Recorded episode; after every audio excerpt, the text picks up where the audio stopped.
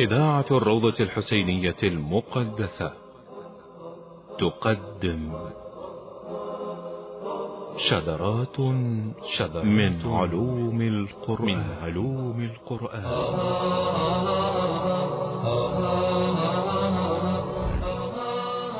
شذرات من علوم القرآن. إعداد وتقديم السيد مرتضى جمال الدين. شذرات من علوم القرآن مونتاج نورس الكربلائي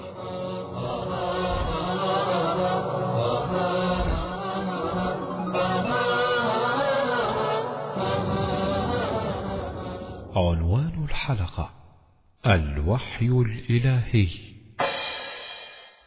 أعوذ بالله السميع العليم من الشيطان الغوي الرجيم. بسم الله الرحمن الرحيم.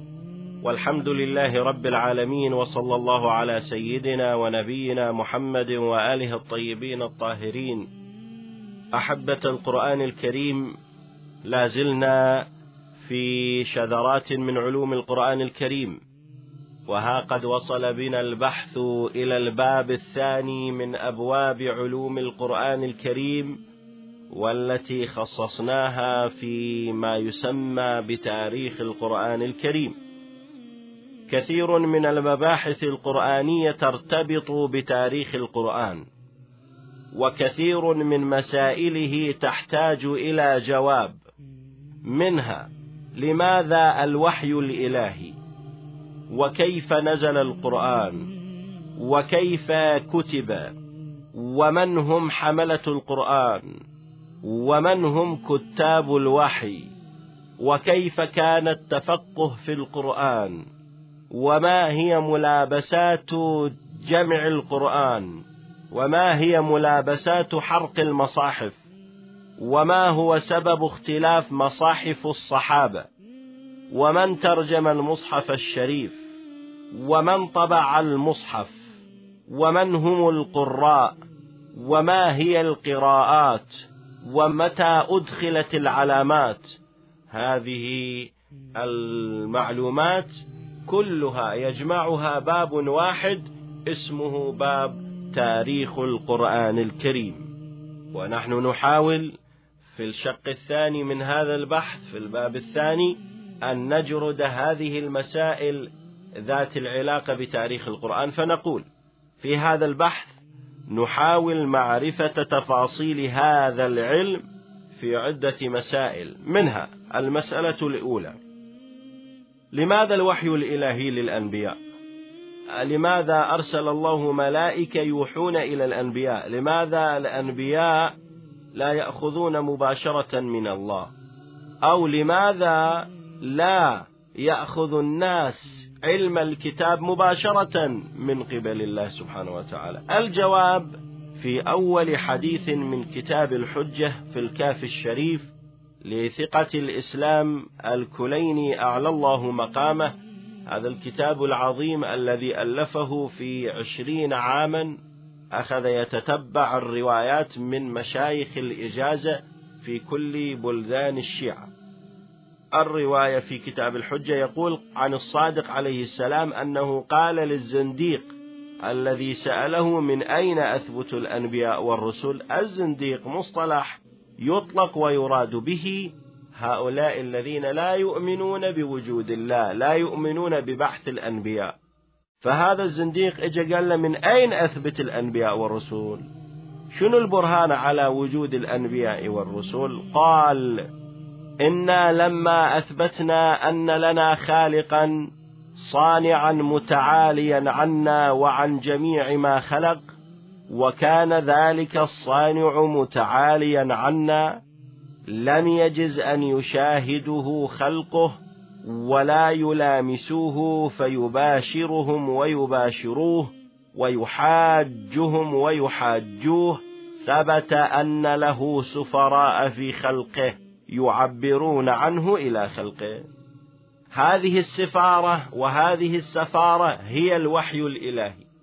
وهم الرسل رسل الله. فالرسل في القرآن الكريم نوعين رسل من الملائكة ورسل من البشر. أما الرسل من الملائكة فهو جبرائيل عليه السلام. وأما الرسل من البشر فهم الأنبياء والرسل. وهم 124 ألف نبي. يفيدنا هذا الحديث بوجود وسائط بين الله سبحانه وتعالى وخلقه. لماذا هذه الوسائط؟ إذ لا يمكن لنا مباشرته وملامسته. وهذا سار حتى على الأنبياء إذ لم يروه أبدا. فلا بد إذن من وسائط بين الله تعالى وأنبياءه وهم الرسل من الملائكة.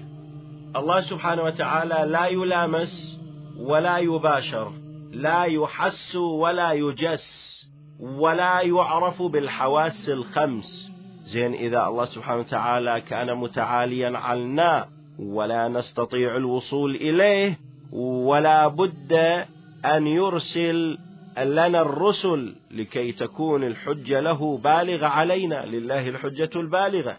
فكيف يحتج علينا؟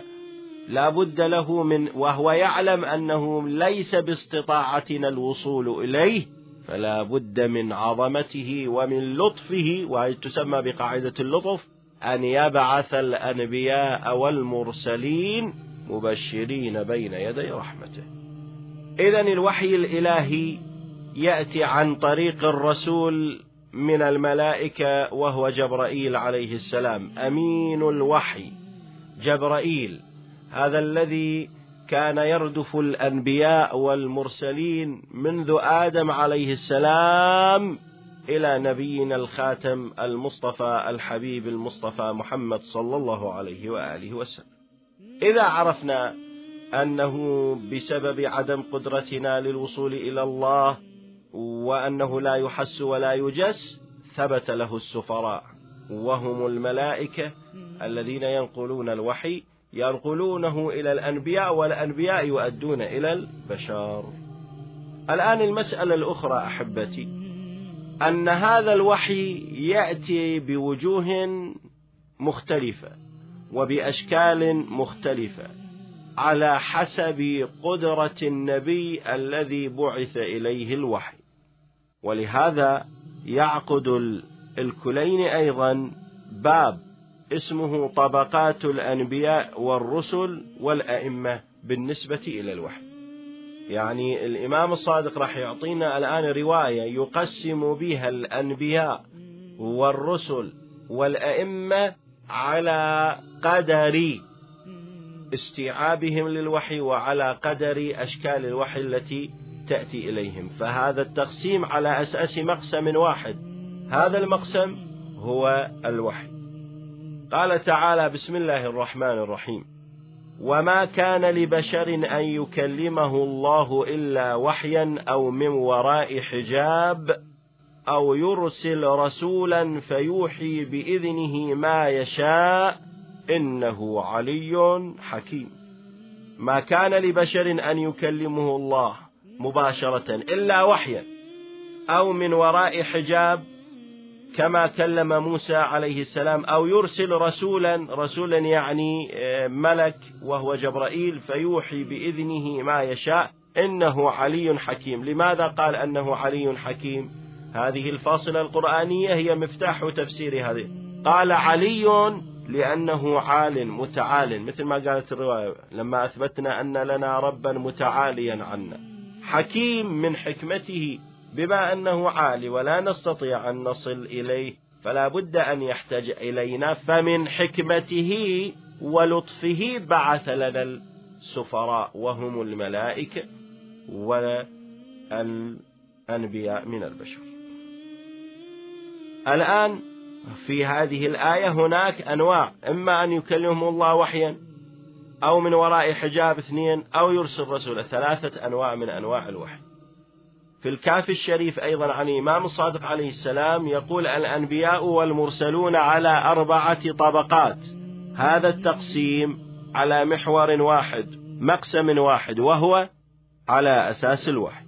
قال الإمام عليه السلام فنبي منبأ في نفسه لا يعدو غيرها ونبي يرى في النوم يعني يرى في النوم الرؤيا الصالحة الصادقة ويسمع الصوت صوت الملك ولا يعاينه في اليقظة ولم يبعث إلى أحد وعليه إمام مثل ما كان إبراهيم على لوط.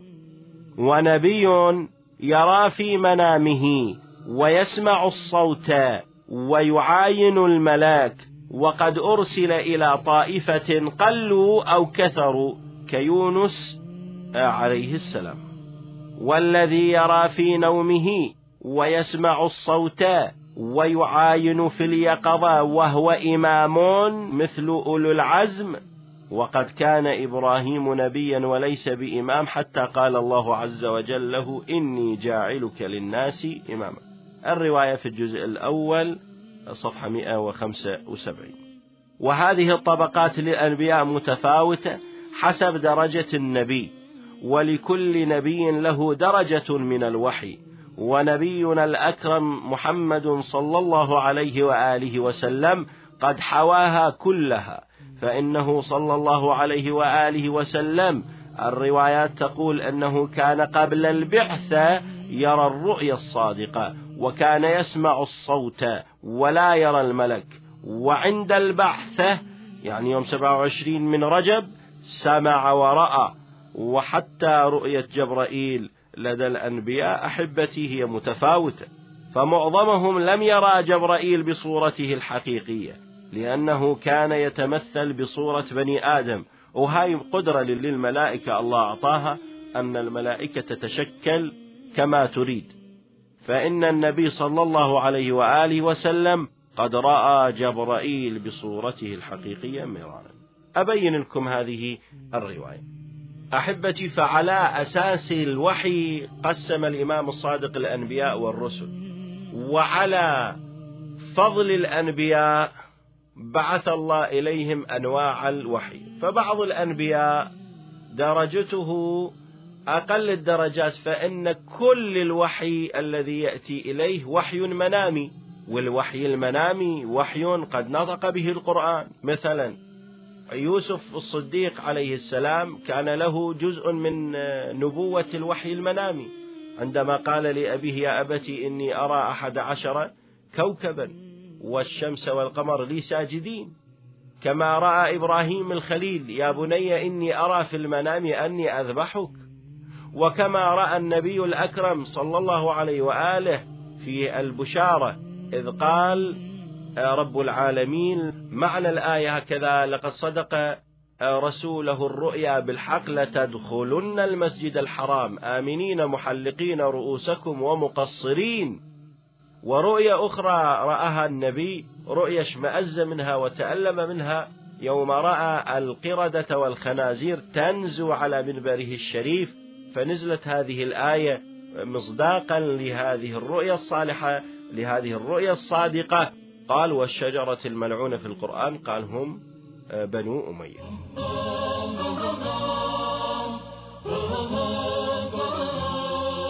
شذرات من علوم القرآن. إذا أحبتي الرؤيا المنامية هي نوع من أنواع الوحي وحتى عند الناس أحيانا رؤى صادقة. واحد سأل الإمام الصادق قال له يا ابن رسول الله لماذا لم تكن كل المنامات عند الناس صادقة؟ قال لو كانت المنامات عند الناس كلها صادقة لكان كل الناس شنو؟ أنبياء. فهذا يدلل على أن المنام الوحي المنامي جزء من أجزاء الوحي. فهناك أنبياء حصلوا على هذا فقط أما أكثر فلا. أما الذي حصل على درجات أعلى فهذا من باب تحصيل الحاصل لأن الدرجة الأقل بمقدور النبي أن يحصل عليها. فنبي يرى في منامه فقط ونبي يرى في منامه زائدا يسمع الصوت يسمع الصوت الوقر في الأذن يسمع الصوت يسمع أحدا يحدثه ولكن لا يعاين يعني لا يعاين يعني لا يرى الملك. وأحيانا يرى الملك ولا يسمع الصوت بالعكس. وأحيانا يرى الملك ويسمع الصوت وهذا هو النمرقة العليا والدرجة الرفيعة. هل هناك درجة أرفع من هذا؟ نعم. هناك درجة أرفع من هذا؟ وهو أن يكلم الله الأنبياء مباشرة من دون واسطة وكلم الله موسى تكليما وهذا أبلغ وأرفع درجات الوحي. وقد حصل هذا الوحي لنبينا الأكرم صلى الله عليه وآله وسلم. الآن أيضا مما يؤكد هذا في تفسير البرهان في خصوص تفسير هذه الآية وما كان لبشر أن يكلمه الله إلا وحيا. قال الإمام علي عليه السلام ما ينبغي لبشر أن يكلمه الله إلا وحيا وليس بكائن ذلك إلا من وراء حجاب أو يرسل رسولا فيوحي بإذنه ما يشاء. قد كان رسول الله صلى الله عليه وآله وسلم يوحى إليه من رسل السماء. يعني جبرائيل أيضا يسمى برسول من رسل السماء أو يبلغ رسل السماء رسل الأرض. فيبلغ رسل السماء رسل الأرض. وقد كان الكلام بين رسل الأرض وبينه من غير أن يرسل بالكلام مع رسل أهل السماء. وفي تفسير القمي قال وحي المشافهة ووحي الإلهام وهو الذي يقع في القلب أو من وراء حجاب كما كلم الله نبينا الأكرم وكما كلم الله عز وجل موسى من الناس أو يرسل رسولا فيوحى بإذنه ما يشاء قال وحي المشافهة يعني إلى الناس. يعني رسل السماء توحي إلى رسل الأرض وهم الأنبياء. بطرق إما السماع وإما السمع وإما المنام وإما أن يأخذ النبي مباشرة. فإذا أخذوا من المصدر بعدين رسل الأرض يؤدون إلى الناس مشافهة كما كان يقول النبي أنزل في هذه الليلة أو هذا اليوم السورة الكذائية ويبشرهم بها ويذكرهم له. من عجائب علوم أمير المؤمنين عليه السلام في القرآن أنه استقرأ مفردة الوحي في القرآن الكريم فأفردها وصرفها على وجوه ثمانية. فقال سلام الله عليه الوحي في كتاب الله على ثمانية أوجه. منه وحي النبوة ووحي الرسالة ومنه وحي الإلهام ومنه وحي الإشارة ومنه وحي الأمر. ومنهم وحي الكذب ومنهم وحي التقدير ومنه وحي الخبر. يعني الوحي في كتاب الله على وجوه. طبعا هذا العلم يسمى بعلم الأشباه والنظائر. هذا العلم أول من فتقه أهل البيت عليهم السلام. هذا العلم رائع جدا يعطي مفردات الكلمات للقرآن الكريم ويعطي معانيها من خلال قراءات السياقات المختلفة في القرآن الكريم. فتأتي كلمة ومفردة الوحي في سياقات متعددة. الإمام يستقرئها أولا ثم يستنبطها ثانيا ثم يترجمها ثالثا. فيسميها بوحي النبوة والرسالة يسميها وحي الإلهام يسميه وحي التقدير ومن وين يأخذ هذه الترجمة؟ يأخذها أيضا من نفس السياق القرآني.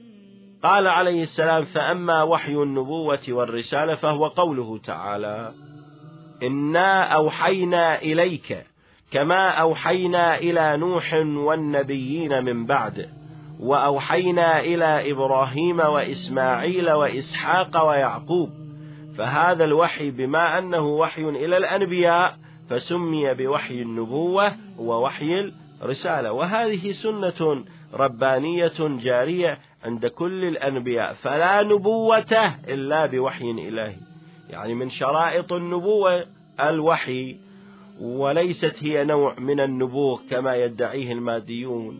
هذه فتشبه قال أن الوحي هو نوع من النبوغ يعني البشر يصير نابغ فيقوم يوحى إليه. لا هذا اختيار رباني واصطفاء رباني فيوحي الله لمن يختاره ويصطفيه فأما وحي الإلهام الوجه الآخر من أنواع الوحي. فقوله تعالى وأوحى ربك إلى النحل أن اتخذي من الجبال بيوتا.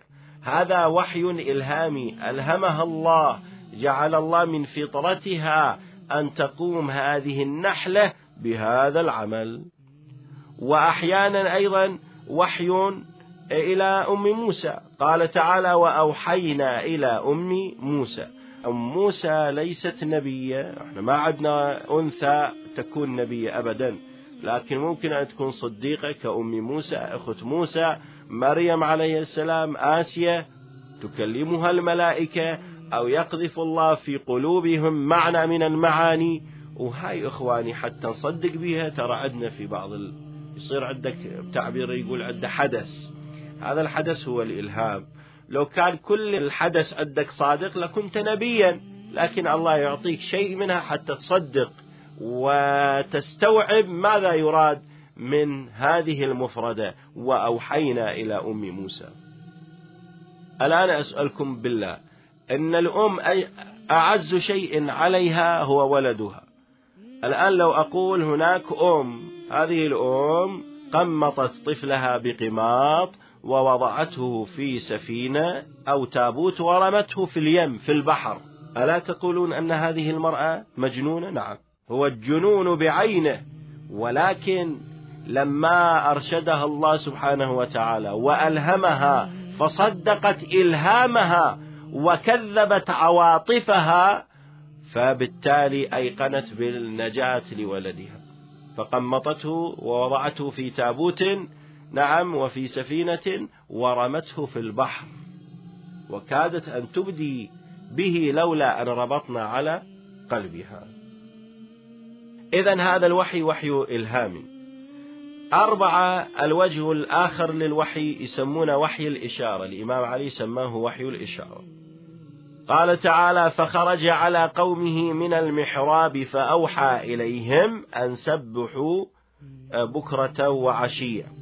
طبعا ليش أوحى إليهم وأومأ إليهم؟ هذا الوحي بالإشارة. ليش بالإشارة؟ لأنه نذر للرحمن صوما أن لا يكلم آه، الناس ثلاثة آه، أيام أبدا ما يكلمهم. فشلون يتكلم ويا مجتمعه يقول له أنت وين وش تسوي؟ فيوحي إليهم بالإشارة. وهذه لغة الآن متداولة ولها أصولها هي لغة الخرسان. الآن أكو تخصص في عملية لغة الإشارة اللغة العالمية اليوم الموحدة لكل آه، من كان هو أخرس. بعد حتى الذي يتكلم هناك عند بعض الخطباء مثلا بعض المتكلمين بعض الممثلين لديهم قدرة على إيصال المعنى من خلال الإشارة. الإشارة ليست فقط باليد لا الإشارة حتى في قسمات الوجه. وهذا الشاعر يقول حواجبنا تقضي اللوازم بيننا ونحن سكوت والهوى يتكلم. يعني أحيانا آه، آه، بمجرد الحركات في العين في الهمز باللمز بغيرها ممكن أن يفهم المقابل ماذا يريد المتكلم أو صاحب الإشارة. وهذا وحي فمنها وحي الإشارة. قال ووحي التخدير قال تعالى وأوحى إلى كل سماء أمرها. كل سماء الله سبحانه وتعالى أوحى إليها أمرها وقدر فيها أقواتها. فسماه وحي التقدير. وأما وحي الأمر وإذ أوحيت إلى الحواريين أن آمنوا بي وبرسلي. نفس كلمة الوحي سماه وحي الأمر ليش؟ لأن جاءت الآية بصيغة الأمر أن آمنوا. فعل أمر زين هذا فعل الأمر ومن كلمة الوحي ترجمها الإمام علي عليه السلام بأنه وحي أمر. وأما وحي الكذب هل هناك وحي يدعى؟ نعم وحي الكذب. شياطين الإنس والجن يوحي بعضهم إلى بعض زخرف القول. هذا زخرف القول يبسبسون بيناتهم أو الجن يحدثون الناس هذا يحدثوهم زخرف القول فهذا كذب زين؟ فأيضا استخدم النص القرآني كلمة الوحي على هذا الكذب فسمي بوحي الكذب. في قبال وحي الصدق اللي هو وحي إلهي. وأما وحي الخبر وجعلنا منهم أئمة يهدون بأمرنا وأوحينا إليهم فعل الخيرات. هذا إخبار من الله سبحانه وتعالى إلى أئمة وأوصياء الأنبياء والحواريين فسماه بوحي الخبر.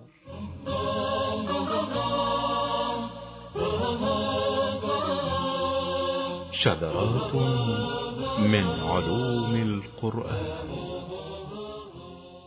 إذا عرفنا وجوه الوحي في القرآن الكريم فالآن نتساءل من أين يأتي هذا الوحي؟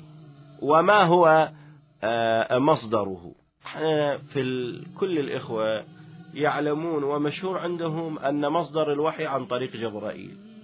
فجبرائيل هو الذي ينزل بالوحي من الله سبحانه وتعالى إلى قلب النبي محمد صلى الله عليه وآله وسلم. وهذا هو المشهور وهذا هو المعروف عند الخاص والعام. ولكن أحبتي هناك مراحل وهناك قدرات وهناك منازل لهذا الوحي. فالوحي يأتي من قبل الله مباشرة إلى جبرائيل ثم إلى قلب النبي. هذا المعنى معنى إجمالي. أما تفصيله فانظر. نقلت الروايات في تفسير قوله تعالى بسم الله الرحمن الرحيم. نون والقلم وما يسطرون. قال الباقر عليه السلام اسمعوا. نون ملك يؤدي إلى القلم وهو ملك. والقلم يؤدي إلى اللوح وهو ملك. واللوح يؤدي إلى إسرافيل. وإسرافيل تعرفون أنه ملك. وإسرافيل يؤدي إلى ميكائيل. وميكائيل يؤدي إلى جبرائيل وجبرائيل يؤدي إلى الأنبياء والرسل. هذا العلم غير موجود إلا عند بيت الوحي إلا عند محمد وآل محمد. كل الناس يعرفون أن المباشرة تأتي من جبرائيل إلى قلب النبي. لا تفصيلها هكذا كما يقول باقر علوم الأولين والآخرين. سلام الله عليه قال نون هو ملك. الآن نون والقلم وما يسطرون هذا تشبيه تشبيه حتى الناس تفتهم. فنون هو حرف النون لو واحد يطالع إلى حرف النون ويتصور هو أشبه بالوعاء يقذف الله فيه العلم. وهو ملك حافظ يأتي نون يأتي ملك آخر اسمه القلم يأخذ من نون. يعني أشبه تشبيه تقريبي. تشبيه حسي حتى نستوعب أن نون هو كالدوات والقلم كالحبر والمحبرة القلم يأتي الآن يغط في المحبرة فيأخذ منها قطرات. هذه القطرات اعتبرها هي العلم. فالله يقذف العلم مباشرة إلى نون وهو ملك أعظم من جبرائيل. ثم القلم يأخذ من نون ونون يؤدي إلى اللوح. من اسم اللوح يعني مثل السبورة. فيأتي إذا القلم وهو ملك يأخذ من الدوات وهي نون ثم يكتب على اللوح. هذا شيء تقريبي طبعا أحبتي. وهذا نون والقلم واللوح هم ملائكة عظماء. عيبة العلم الإلهي. عيبة يعني شنو؟ يعني وعاء. قال نون ملك يؤدي إلى القلم وهو ملك يؤدي إلى اللوح. واللوح يقولون اللوح المحفوظ هو أيضا ملك. هذا يؤدي إلى إسرافيل وإسرافيل يؤدي إلى ميكائيل وميكائيل يؤدي إلى جبرائيل ثم جبرائيل يؤدي إلى النبي محمد. فقد كان رسول الله صلى الله عليه وآله وسلم يأخذ عن جبرائيل بهذه الوسائط. ولكن للنبي العظيم قدرة أعظم. وأحيانا كان يأخذ عن الله مباشرة ويقذف في قلبه ولهذا كانت تأخذه الرجفة زين والغطة وسوف يأتي تفصيل هذا البحث في الحلقة القادمة إن شاء الله. والحمد لله رب العالمين وصلى الله على محمد وآله الطاهرين والسلام عليكم. قدمت لكم إذاعة الروضة الحسينية المقدسة. شذرات شذرات من علوم القرآن, من علوم القرآن.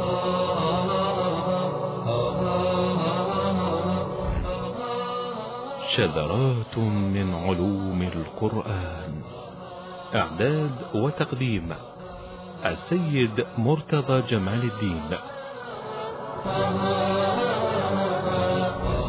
شذرات من علوم القرآن. مونتاج نورس الكربلائي.